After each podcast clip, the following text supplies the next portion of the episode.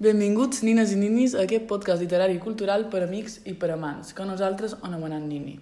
Avui duim una obra de teatre, Càndid o l'optimisme, una sàtira social en forma de, com ells l'anomenen, neovarieté, que combina des d'una tech talk fins a la performance més experimental, passant pel playback o una classe de zumba. Amb una voluntat essencialment crítica i d'obertura d'un debat, ens presenta el problema de la tirania de la felicitat i del complicat que pot arribar a ser seguir endavant en una Barcelona que, com diu el protagonista, encara ens dou moltes oportunitats. A més, amb l'anècdota d'un actor, Lluís Oliver, que fa una prova per una producció postmoderna, experimental, performàtica i amb moltes, moltes projeccions, la peça realitza un fantàstic anàlisi del món del teatre i de les dificultats dels actors per aconseguir toquis, favor, fuig i no m'ataquis. De mig, no toquis, per favor, fuig i no m'ataquis. Àngel, El teu nom és Niqui, vaig volant amb el meu amic Frank. Tot és copiat. Bueno, ja hi som. Tornem aquí una setmana més. Un dia més. molt Molt pres. Molta constància, Sí, sí. darrerament. tot. Està, està bé, això està Això- bé. No, no, no, i te vienen cositas, te vienen cositas. El joc. Bueno, Bueno, avui no estem tots sols. No, això és especial, avui és especial. especial. També volen recomanar que, volen dir que, que ens van fer una entrevista a la Pobla Ràdio. a que- veure, la podeu escoltar a Spotify, la cercau. Molt interessant. Uh, molt xulo, xerrant de lo mateix que sempre, però molt bé. I avui tenim amb nosaltres Oh. el dramaturg que ha aconseguit fer una obra tan xula com Càndid a l'optimisme, en Miquel Masfiol. Uh, benvengut. Gràcies, gràcies per convidar-me, Nini. Bueno, hem de dir una cosa en el principi, i és que som germans. Hola, Miquel, com estàs? Jo crec que els nostres oients... Salgo de l'armario. Selecció dels convidats mm, molt encertada. Sí. Complet. Sí, sí, sí. Però, en plan, tanmateix, encara que no fossin germans, haguessin gaudit, sí. Sí, Clar, sí, òbviament. no, no, Ens ha agradat de forma és a genuïna. dir, La escalafonera, Sebastià Portell, no? Primer tot Sebastià, i per últim en Miquel, però com que en Miquel el tenim bo, no? Has, Sí, però en Sebastià, si el voleu entrevistar, jo crec que el podeu entrevistar perfectament. Els Bueno. Sebastià, si mos escoltes, va, bueno, escriu-mos. Sebastià mos escolta. Sí, un besito des d'aquí. Un beso per les salines. Um, bueno, Bueno, anem a... anem per parts. Anem Sí. per parts, perquè eh, aquesta obra, com que té molt de suc. Vinga. Bé, uh, s'obre El de l'optimisme, que és, un, que és l'adaptació de la novel·la homònima de Voltaire. Nosaltres no l'hem llegida, ho hem de dir, però sí que ens va agradar molt quan vam anar a veure sobre la Badabadoc. I ens agradaria saber un poc primer um, com va ser el procés de traducció de la novel·la de la novel·la a sobre de teatre. I que, i que hi ha... De... Que, sí, que hi ha de sobres a novel·la. Ah, exacte. Um, bé, bé, jo vaig llegir Càndida a l'optimisme a segon de batxillerat, no? I, i quan me van demanar que volia fer de pràctica de escenificació 3, no? perquè clar, aquesta obra neix de, de, de l'Institut del Teatre, d'una obra que vaig fer a l'Institut del Teatre, vaig pensar, mira, pues recuperaré Càndida l'optimisme, però vull posar-li es, es, es toc aquest de la filosofia de la felicitat, no? O sigui, jo volia xerrar molt de la happy gràcia, de la tirania de la felicitat, i vaig pensar que aquesta obra pues, podria ser com un, com un conductor, no? El que passa és que és cert que en el principi jo me llegia Càndid no? i pensava, bé, aquesta novel·la és mitjanament graciosa però tampoc no m'interessa fer una obra de personatges, no? fer una ficció, realment crec que m'interessa tocar altre tipus de llenguatges. Era com el meu objectiu, no? fer com una cosa un poc més postmoderna i fer una cosa un poc més postmoderna en plan moderneo, no?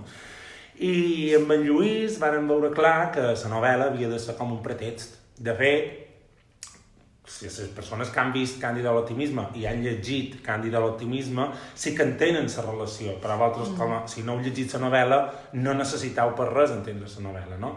I el que vaig fer sobretot va ser mirar la novel·la una altra vegada, veure les parts que té la novel·la, sobretot les parts, per exemple, hi ha moments de en Càndid se'n va a la guerra, hi ha moments on en Càndid eh, viatja per tot el món, hi ha una escena meravellosa allà a la novel·la on Càndid viatja a un país que es diu El Dorado, on tot va bé i tot va meravellós.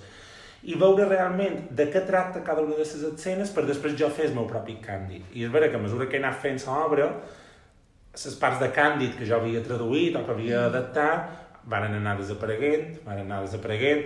Després vaig pensar, bé, doncs, els capítols de Càndid els utilitzaré per, per l'obra, van anar desapareguent perquè ens interessava xerrar d'altres temes i al final només deixant de Càndid de l'optimisme el recorregut que fa en Lluís, no? que passa de ser optimista nat a mm. que acaba a la merda, literalment, no? I sobretot també aquell petit trosset que no sé si ho vareu veure, no? que és De com a, no? de yo-yo, Sí. que és un moment on sí que posam aquest petit detall. Però ja t'he dit que la novel·la me va servir més com a temàtica, no tant com a... Sí, el vas agafar més de referència. Sí. No? O com a punt de partida i tot. Sí, i al final vaig dir, bé, el títol serà Càndida a l'optimisme, i ja està, i me la bufa. I això ha passat, que ha vengut gent pensant que venia a veure Voltaire, Clar. amb els seus fills, pensant que els instruiré, i quan se n'han adonat de que mira l'espectacle, pues, S'han han agafat i sortit. anat. ràpid. No, no, no, s'han passat bé, però han hagut de tapar la cara en el seu infant més d'una vegada. ha passat això. Clar, perquè vares triar Càndid a l'optimisme. Sí, sí. Vaig triar Càndid a l'optimisme perquè, mira, més que res perquè, perquè quan, quan havia de fer la feina, el treball, no, ells sempre diuen o agafar una novel·la o agafar una peça literària dramàtica ja escrita. O sigui, com a, a tercera carrera no se me posava l'oportunitat de fer una feina de creació. O sigui, quan jo dic que dirigesc una obra de creació és perquè dirigesc una obra que jo sé la temàtica, però les escenes i les càpsules no sé on aniran, no? Mm. És una obra que se fa mentre, mentre vas fent, no? I, i això és el que vam fer en Càndid de l'Optimisme. En Càndid de l'Optimisme teníem un tema, teníem un parell d'escenes que jo volia fer i a partir d'aquí amb en Lluís i jo vàrem anar improvisant i vaig dir, ostres, que guai seria ballar follow the leader, vinga, doncs follow the leader. Clar, perquè això era una cosa que volien demanar-te, és a dir, què vas fer? Vas començar amb un guió establert, amb una sèrie d'escenes, o vas deixar la improvisació absoluta? O sigui, va, el que vaig fer sobretot va ser plantejar un recorregut. O sigui, plantejar un recorregut en tant que primer, comença, comen, primer un començament, després hi havia escenes i textos que m'agradaven, no? Sabia que també no només m'havia de quedar en la felicitat, sinó que també havia de criticar la indústria de l'entreteniment, no? de com l'entreteniment també fa, és com una barrera per adonar-nos de que el món va malament, no? Ens fan riure, sabia que volia criticar la Unió Europea, vull dir, com que sabia un poc els temes que volia tocar, no? I, i, sa, i, i sa, després ho vaig plantejar amb en Lluís i amb en Lluís fèiem improvisacions. I vàrem veure què és el que volia xerrar ell i què és el que volia xerrar jo. I és veritat que en Lluís té un tema, que per ell és el seu tema, cada un té, jo sempre he de pensar que cada un té, té un tema, no? És a dir, jo, per exemple, un dels meus temes que estic trobant més és el tema de la hipocresia, de la identitat, de per què som així... Jo, aquest és com un poc el meu tema. I el tema d'en Lluís és la precarietat en el món dels actors. I en Lluís, jo ja com a espai escènic ja trobava que havia de fer un càsting, no? que havia d'anar, que havia de ser un càsting, no?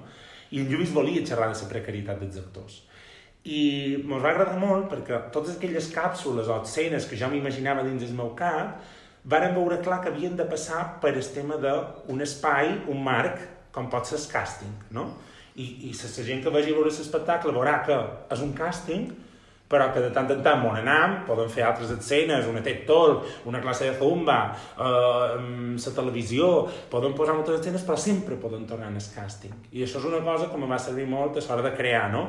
Saber que sempre podem tornar en el càsting. I per mi el càsting funciona com un fil. Exacte, que és molt primat, perquè és un film molt prim. Però perquè el després- s'aguanta, perquè si no serien un parell de coses... És neovarieté, clar, perquè hi ha moltes coses, però... Però s'aguanta molt bé. Sí. Sí, s'aguanta. lineal d'això i Per exemple, en l'espectacle per adolescents que he dirigit, que és Crash, no? Uh, a Crash, el fil argumental és la classe d'educació física i la curs navet.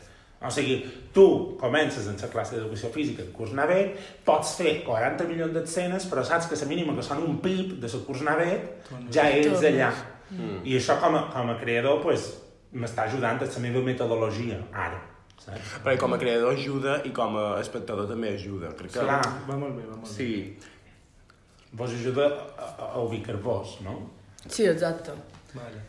Clar, um, al final és un monòleg, només tens un actor, i sempre ho vas pensar així. O, o sigui, clar, tu no volies fer una obra de Càndid, una d'això, però sempre volia, ha estat un monòleg, sempre. Sí, o sigui, penseu que, que, que va anar un poc de la mà en el sentit de que jo sé que he de fer pràctica d'escenificació 3. Estem en temps de Covid. A la mínima que un actor té Covid, um, se, se xapa perquè tanmateix um, mos poden contagiar i tal. En Lluís Oliver, que és un actorasso amb el que ja he fet feina moltes vegades, me diu, Miquel, jo tinc ganes de fer un monòleg. De fet, ell volia fer una cosa rotllo Aka. Jo li vaig dir, cuidadín, cuidadín. Ja veurem si feim Aka o no feim Aka. Farem lo nostre, no farem Aka. Lo nostre. Lo nostre. I, i va anar un pot de la mà, va ser com en plan, vale, pues faré Càndida l'optimisme, estem en temps de Covid i en Lluís vol fer un monòleg, agafaré en Lluís. I ja està. I, I Lluís va- va anar un poc cap aquí. Però tu vas pensar quan amb ell o... No, o o tenies- sigui, jo ja quan vaig pensar pel Càndida l'optimisme vaig dir, vale, pues vull fer alguna cosa amb en Lluís. I ja està. I, ja està. I va- vaig matar dos ocells d'un tret, no? I en, Llu en Lluís com s'ho va prendre? Perquè en realitat fer un monòleg és una cosa molt complicada. En pla, i, i més com ho fa ell, que té una energia brutal durant tota l'escena. Sí, jo I això quan és fer això ho vaig és perquè espectacular. trobant que era una hora i pico d'obra i ell tot sol feia tot, tot, tot, Un tot. esforç, sí, sí. No, no, i, i requereix això, molta energia, molta brutot, embrutes molt, és una, és una feina dura. Bé, és que la d'en Lluís és espectacular. Vull dir, jo de cada vegada estic més meravellat per lo que fa en Lluís, per seu art i per... per... I és un tio concentrat. Eh, Fixeu-vos el que va passar ahir, ahir eh, va ser molt fort perquè, bueno, i també ell i jo, jo crec que també bé, quan com a creadors arriba un moment que t'entens amb algú i dius, ostres, jo sempre jo acostumo a tenir com un repertori d'actors per veure que, que hi ha actors que dius que, és que m'ha dut bé fent feina amb ell i en Lluís i jo mos entenem perfectament. Mireu, una cosa que va passar ahir pues, estic saltant d'un altre tema No, no, no, no, no, va bé, va bé. però ahir, per exemple um, el micro perquè hi ha un moment en què utilitza el micro se va quedar fora, fora piles. I, hi ha, i jo, des de la màquina del micro, jo veig quan els piles, el, el micro se queda sense piles. I el micro s'estava a punt de quedar fora piles. I en Lluís també ho va veure en el micro que s'estava quedant fora piles enmig de la funció. I enmig del follow de líder, que és com un moment en què feim participar el públic, jo ja havia tret les piles i ja estava pensant, vale, pues a lo millor en aquest moment li puc mandar un altre micro, no sé què.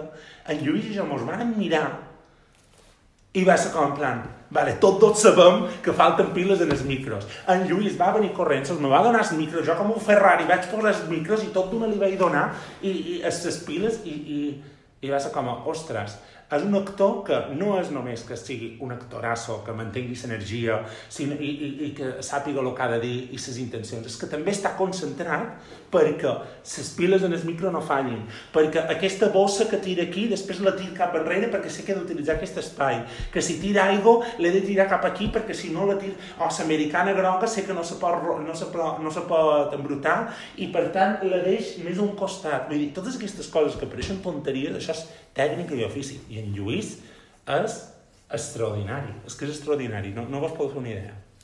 Però jo, me pareix interessant el tema del procés de creació, és a dir, clar, com aneu fent improvisacions i tot, En, o sigui, però jo vull saber, en plan, per exemple, el tema del càsting, com ho fèieu? És a dir, tu li vas començar dient coses i ell anava portant, no sé, és que me pareix interessant això, aquest procés de, de fer com un joc, d'actuar. o sigui, el procés va començar amb improvisacions que començaven amb un escalfament. O sigui, jo me vaig fer com una llista de Spotify de cançons felices, que passaven des de Happy d'en Pharrell Williams, passant per Paquito el Chocolatero, passant per el Follow the Leader, passant per La vida no hay que llorar, la vida és un carnaval, totes aquestes cançons que mos han dit que són la felicitat i bla, bla, bla, bla, bla, i jo pues, feia escalfaments i duia, com me'n recordo que duia, anava amb un carrit a la compra i duia com a moltíssimes coses. Duia confeti, duia eh, es- escap de cavall, aquell que veus, duia un bebè, duia com a... Perquè en el fons el que has de fer és generar materials. Em posava una càmera i deia, vale, Lluís, ara eh, te dono un text, no? Un text de... te dono un text. I ara pues, ve- ves cantant i ballant mentre recites aquest text. O ara va, llegeix el secreto. Vale, ara canviem les paraules del secreto. O sigui, que tot era com a dues, dues o tres setmanes de generar material, de generar com imatges, de generar eh, moments amb el projector... Eh, i després tot això dius, vale, doncs de totes aquestes imatges m'interessa això, això, això i això. I veig que tot, tu, el que, de, lo que vols xerrar és d'això. Perquè en Lluís també va tenir poder de decisió en tant que afectava el que anava a l'espectacle. I jo, com a director, tri, vale, això és coherent, això no és coherent. I quan en Lluís veia que sempre xerrava de lo mateix, de lo dur que és ser actor mm. eh, quan tens un famós que te passa per davant, eh, de que sempre t'has de mantenir happy davant els directors de càsting i després els has de seguir, pues, eh, és el seu tema, jo he de veure que era coherent amb el que proposaven. I després me vaig tancar a casa meva i vaig dir, vale, està clar que el fil conductor ha de ser un càsting, no? un càsting de la mateixa proposta Càndida l'optimisme, dirigida per un gilipolles que sóc jo, no? Mm. I una vegada tens això, dius, val, doncs tinc aquests textos, tinc aquestes imatges, i és com un, com un pastís, i tu vas, vas triant.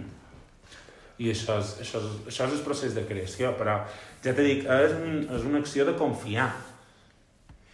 Clar, perquè això de, això de fas càsting de la mateixa obra que han dit a l'optimisme i damunt la critica per moltes coses. Entre una d'elles és que hi ha moltes projeccions i que és una cosa com a postmoderna que ja s'ha fet. Això és, és, és una cosa molt divertida perquè, clar, està criticant la mateixa obra que estàs veient, no sé Sí. què... Sí, és un bon metateatre. Claro. Que en el final s'obre és superdivertida i és d'humor completament. Eh, no sé És com un humor, però també hi ha molta, molta crítica, però no sé, està, ja m'agrada molt, eh? Sí. Lo... Hi ha una cosa que m'agrada de l'obra, és que l'humor comença molt blanc, no? Merci, merci, perdó, sí. perdó, i a poc a poc el humor és més amarg, més incòmode, mm. més trist, no? Perquè acabes riguent, però dius, hòstia, pues ric, però no, però... Això jo crec que és guapo, el viatge de sumor que fa. Se va embrutant com un poc, sí. Sí, com, com se't sent? Com s'obre. Clar, Uh, bé, a sobre en general hi ha moltes referències crits per això, per en castellà, um, um, L'esperit de nana hi ha rosa pintant a imatges flotant. de Mario Kart, hi ha pues, Happy News, sacs de dop, és que hi ha de tot. I uh, és una escola de, ser, és de lo més representatiu de l'obra. perquè vareu triar aquestes referències i quines referències vau dir aquestes sí quines no i uh, de què vos serveixen per fer càndid a l'optimisme. Sí, el veure que Enric Argat que va dir no trobes que hi ha massa referents quix? És una vale. cosa, és una cosa molt certa.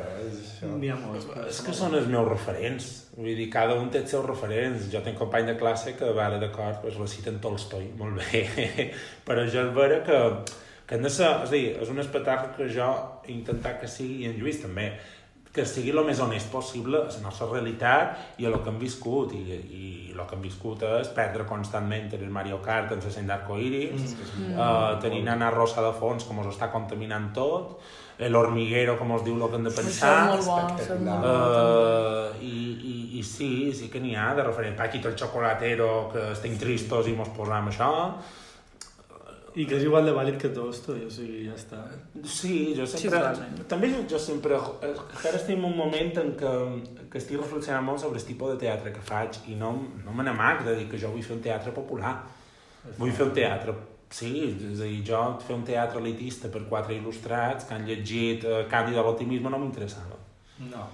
Clar, i també pots, pots arribar i pots enviar també un missatge, perquè un candidat a l'optimisme jo crec que no pot veure tothom, Sí. tothom l'entendrà i tothom li farà... Jo crec que a tothom li arribarà alguna Però, cosa. i, tu, però, I a tothom no li fa ganes llegir la novel·la. És No, però- bé traduir-ho d'aquesta manera i fer una cosa diferent. però i no me refereix que en això, sinó que damunt el missatge que té candidat a l'optimisme pot arribar molt més sobre això i crec que tens Sí, és a dir, que, que jo crec que vagi qui vagi impactarà, vull dir, no el mateix que si anéssim a veure una adaptació, així com ha dit ell, de Cànids a l'optimisme, que potser nosaltres l'haguéssim anat a veure i ens haguéssim quedat Sí, un poc. un poc, diguem, bueno, pues no munta gaire bé. Jo crec que també tot passa pel mateix fet de fer teatre. Vull dir, ara que mos aporta una... Can, dur càndid a l'optimisme, ficció en el segle XXI. És que... Jo sempre he dit que vull fer un teatre que aporti algo, que hi hagi, eh, que el públic, a part de passar-s'ho bé, jo sempre vull que les obres s'ho passin bé, que se'n vagin a casa seva amb una cosa damunt. Els, en el fons estem fent un regal. Mm. Si fas un regal per quatre erudits, doncs quina classe de regal estàs fent? No sé. Clar, no, són com a dos pols, com a que no vols anar a cap dels dos pols, és a dir, un teatre superelitista o un teatre d'aquests com a, jo què sé, comèdia catalana de... Uh, Sí, jo, jo sempre he defensat fer un teatre per capes. O sigui, un teatre que la gent que tingui una capa superior, de, de dir, eh, pues una capa d'entreteniment, però que la gent que vulgui veure més capes, que també pugui, tingui la voluntat de fer-ho. Això, per exemple, per mi un referent de, de teatre així, per exemple, és a Corà. Per mi a Corà, la persona que se'l vulgui passar bé, eh, recordant la predina davant el present mentre hi ha les matances, pues si passarà bé, però realment la persona que vulgui veure la deconstrucció d'un relat identitari, eh, de com estem perdent la nostra forma de ser, també té l'oportunitat de fer-ho. I fa un poc el mateix que això, agafa el fill de conducte de les matances Mm. i va pegant vots. Ah, efectivament. Sí, sí, està molt bé. Va explicant. Mm, pues una altra cosa que crida l'atenció mm, de la geografia i tal és que van elegir fer caixa blanca en comptes de caixa negra. Plan, això perquè, perquè va decidir així. Això va triant en Llorenç Corbella, que és l'escenògraf, i juntament amb la Mireia Cintes, que és la directora d'art, varen tenir clar que si, és que si l'espai ens donava la possibilitat de, de fer un càsting real, no? com si fos com un mostrador de fotos, mm. no? com si fos un plató de fotografia, el més interessant era fer càmera blanca. I també ens Càmera agrada blanca. perquè... Càmera blanca, No sí. s'encaixa, no. No, caixa, càmera blanca, se pot dir càmera negra, càmera blanca, caixa blanca. Bueno, Ah, se pot dir voleu dir... Sí. D'acord. Però la la idea de càmera blanca també ens ajuda a, en el fet de que si vos vareu fixar, a la mínima que tot és blanc, a la mínima que tu hi posis algo, ja, ja s'embruta o, o, o queda ressaltat, o simplement de, de posar una americana groga, clic, ja, ja. I això és xulo, perquè en el fons no deixes de veure sector com si fos un hàmster de dins d'una caixa d'experiments absolutament. que el director d'escena està allà manipulant, és, és, és molt científic, molt empíric, i això mos agradava, i, i ho van triar així. Mm, I que després quan acaba l'obra com que veus tot el que ha passat, tot el recorregut allà, I, perquè com és blanc, I és a impactant. terra. ja només el fet Com de que comença, quan com se lleva la té rosa i la deixa, ja és, ui, un residu més. I a poc a poc va generant residus no? que Exacte. queden com un quadre. Ai, ja, ja arriba. Ara, il·luminar la càmera blanca és un desastre. Vull Sí. dir, Ai, no. Pensau que la mínima que posis un foc en llum Clar, se rebota clar, sí, clar, i si juntes càmera blanca amb projeccions apaga i vamonos perquè és vera que les Ha estat, projeccions jo me, me vaig fixar que hi havia com un, un, un, una cosa que s'anava aixecant i baixant dels projectors. Ah, sí. Sí. Bé, això, no això, és això. això és perquè el projector de la sala no té el que se diu un obturador. Ah. O sigui que, en teoria, sí. Jo, jo m'ho vaig dir que fer jornada. així i no fer pensava, així. sí, és o sigui, els bons projectors tenen un obturador. Ah, d'acord, projector d'acord, no és tan bo i, i. Bueno. Vale. Bueno. bueno, canviant de tema. Sí, ara un poc més cap al públic. Claro. Tipo, te volien demanar com havia estat l'acollida del públic i que havies rebut tu. Si era el que esperaves. O sigui, mira, clar, hi ha dues presentacions en el fons, no? Quan ho varen presentar a l'institut i quan ho varen presentar de fora de l'institut. Mm. Jo sabia que la projecció de l'institut agradaria, perquè vulguis o no, pues és un tema de que hi ha actors frustrats, de que eh, damunt és una cosa molt jo, que la gent que me coneix sap que és molt Miquel, no? que és com introduir-se dins d'aquest món, així com un poc pseudo-quix, histriònic i tal, Uh, jo sabia que l'institut pues, m'ensumava que, que funcionaria. El problema és que jo, jo la por que tenia era que de fora de l'institut, perquè és un espectacle molt loco, ja està, ho hem d'assumir, hi, ha, hi ha coses que dius, uau, això no, no sé quin sentit té, o, o aquí ja s'ha passat mil pobles... Jo tenia por que de fora passés el mateix, i no, no, no, no ha estat així.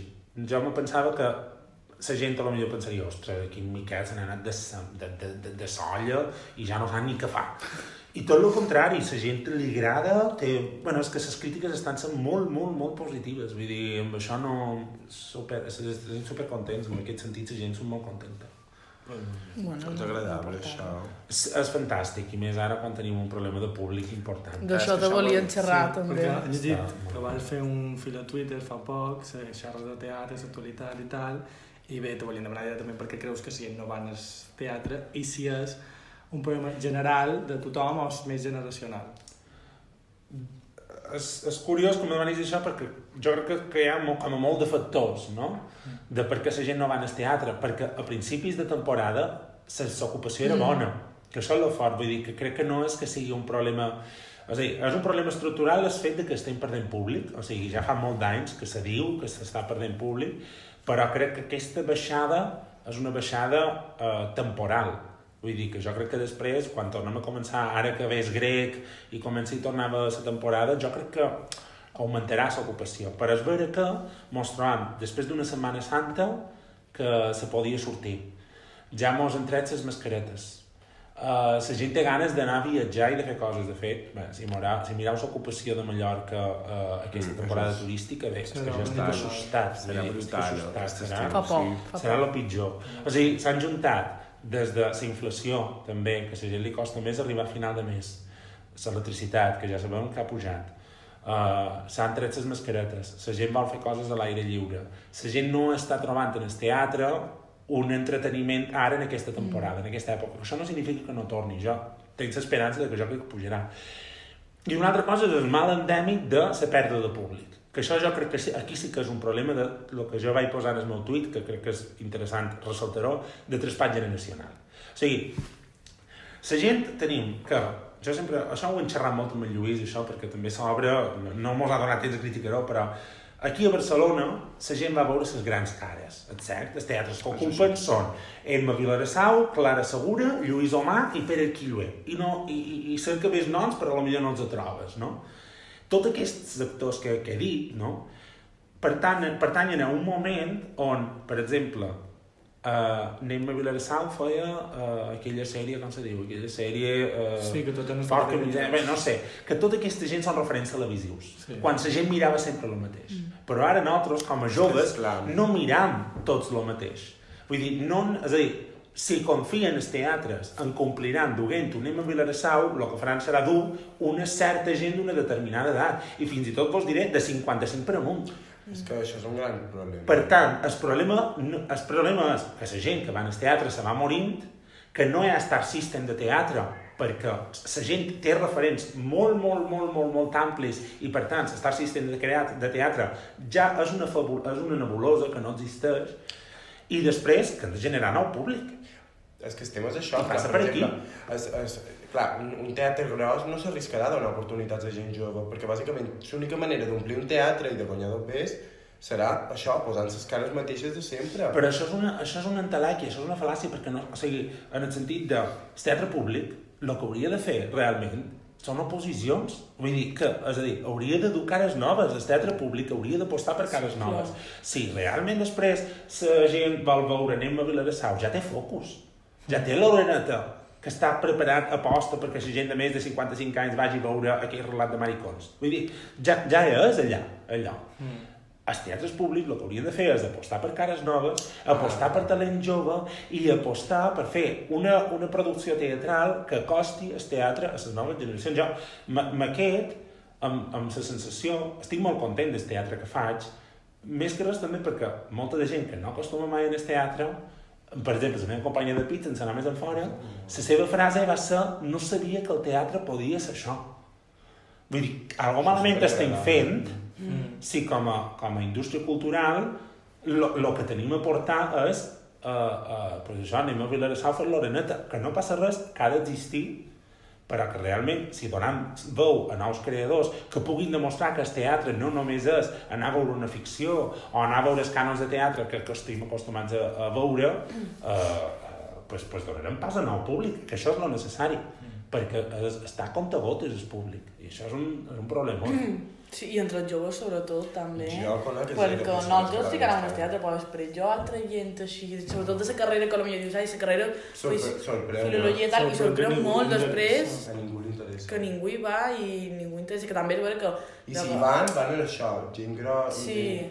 Que després una altra cosa són els preus del teatre i que els descomptes que hi ha i tal, Però però, igualment, vull dir, Però bueno, s'hi pot anar. que en general no... Jo això me fa molta de ràbia després, perquè després la gent no, li pas, no, no té cap problema en pagar Netflix. Amazon i... No, però jo accepto que els preus de la Badabadà són molt cars, per exemple. Són molt cars. Són molt cars perquè el meu públic no és un públic que se pugui permetre el preu d'aquesta entrada. El Manco per el 25 estaven per 7 euros. Sí, sí, sí, i, Molta i de vàrem gana. lluitar, però vàrem lluitar perquè estiguéssim Cine 25. Varen ser nosaltres que varen lluitar, perquè si que- no, no ho estàvem. Vull dir que a la sala no li interessa rebaixar preus. I ja la sala li interessa més mm, 10 persones que paguin 20 euros que 30 persones que en paguin 10. I això és molt fort, mm. i això s'ha de dir. I això no és tant la sala que vulgui guanyar dos bés i tal, no, és perquè realment mm, les ajudes no estan arribant així com deurien. Perquè el teatre, jo crec que hem de pensar que el teatre és un bé, eh, és un bé que sempre sortirà perdent, perquè els costos fixos del teatre de refer una representació sempre seran els mateixos. Tu, no és com una pel·lícula que tu la fas i la pots reproduir tantes vegades Clar. com vulguis a un cost, disminuint el preu de cost.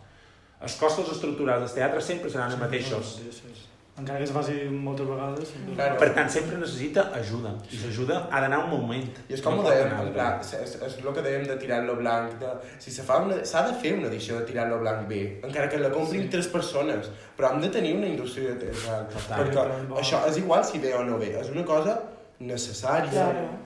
però Absolutament. també s'hauria de fer una, una deixona de públic. Sí, s'hauria de fer un treball de públic. Però bueno. Després de, de bueno, un poc intenses, em volíem dir per acabar un poquet si estàs preparant qualque cosa, si veurem... Clar, perquè ara hem de fer un poquet de promo, hem de fer Clar, promo. no? Me l'explico en plan... Però de què? De Càndid a l'optimisme. Ah, sí. Bé, ara estarem fent, fent Càndid a l'optimisme fins al dia 23 de maig. Després tenim previsió de, de, fer, de fer gira, o de fer una, encara que sigui una mini gira, amb bolos. Ah. Hombre, nosaltres intentant per Catalunya. Vull dir, jo, per mi, aquesta és l'obra per donar salt a Catalunya, que és complicat, perquè hi ha moltes coses. I possiblement també anirem a les principals, i si tot va bé i em pensa que molt vol, això que no ho escolti, per favor. No ho escoltaré. que pot escoltar. I, i ara, pues, pues, en realitat, les coses que tinc que fer és sobretot moure els productes que ja tinc. És a dir, primavera tenim funció dia 21 de, de. Primavera de Bèsties, tenim una funció de Primavera de Bèsties, que és una obra de teatre que va ser coproducció amb el teatre principal, eh, que està protagonitzada per na Mercè Sánchez, na Carme Serna, Miquel Àngel Torrents, en Xavier Frau i la Caterina Lorda. Se podrà veure dia 21 de maig en el Teatre de Santanyí. Molt bona. Molt bona obra. Sí, jo el de trob. I, i sí, és a dir, ara més que res jo crec que hem de descansar un poc, nutrir-nos, perquè si no... Segar. Sí, segar, nutrir-nos, fer un pot de guaret, que se li diu, i, i aportar-nos... Sí, tinc ganes de descansar un poc. Això està molt bé, és una molt bona. Bueno, com a creadors ho hem de fer, perquè si no... Si no te satures. Sí, sí, si no, sempre escrivint de lo mateix i fent lo mateix i no. Això moltes Bé, moltes gràcies per Sí, molt Ah, encantat. Molt que interessant. per aquesta entrevista tan xula. Sobretot, eh? molt interessant. I bé, pues ara la recomanació setmanal. Claro, hem de recomanar.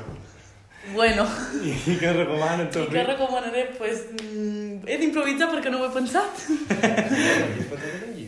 Bé, jo anava a dir és de Vidal Ferran, des de quan ens l'embolles, que me'l vaig llegir fa poc, que bueno, és un llibre peculiar. El que passa és que jo me va enganxar molt, el que passa és que és un llibre que el llegeixes i te quedes un poc loco, perquè com que hi ha moltes coses i xerra molt de temes i va mesclant, hi ha un moment que dius, "Uf, m'he perdut un poc. Però és molt bo, jo me'l vaig acabar dos dies. va. És com d'un escriptor frustrat, que un gat que li és superfan d'en Proust, sa, el panorama li- literari de, de, ser, de la seva època i de la seva frustració com a escriptor. Ah, No. Molt I jo podem aprofitar que ja seu germà que m'ho recomani qualque cosa. Clar. Claro. Qualque cosa o obra de teatre que tu diguis, això ho he d'anar a veure. Obra de teatre, pel·lícula, llibre... Mm, Bienvenidos Edén. que a Boníssimo. Per per Instagram. Uh, mira, doncs pues vos recomano... Mira, aquí.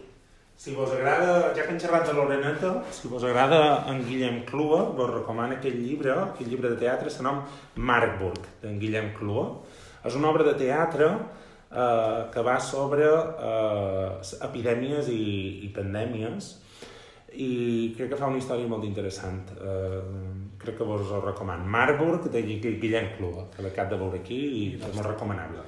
Eh, però molt bé. Després d'aquestes recomanacions que m'ho apuntam, pues, donar per finalitzar. Moltes gràcies. Moltes Miquel. gràcies i fins Gràcies aviat. I bé, Adéu. Adéu.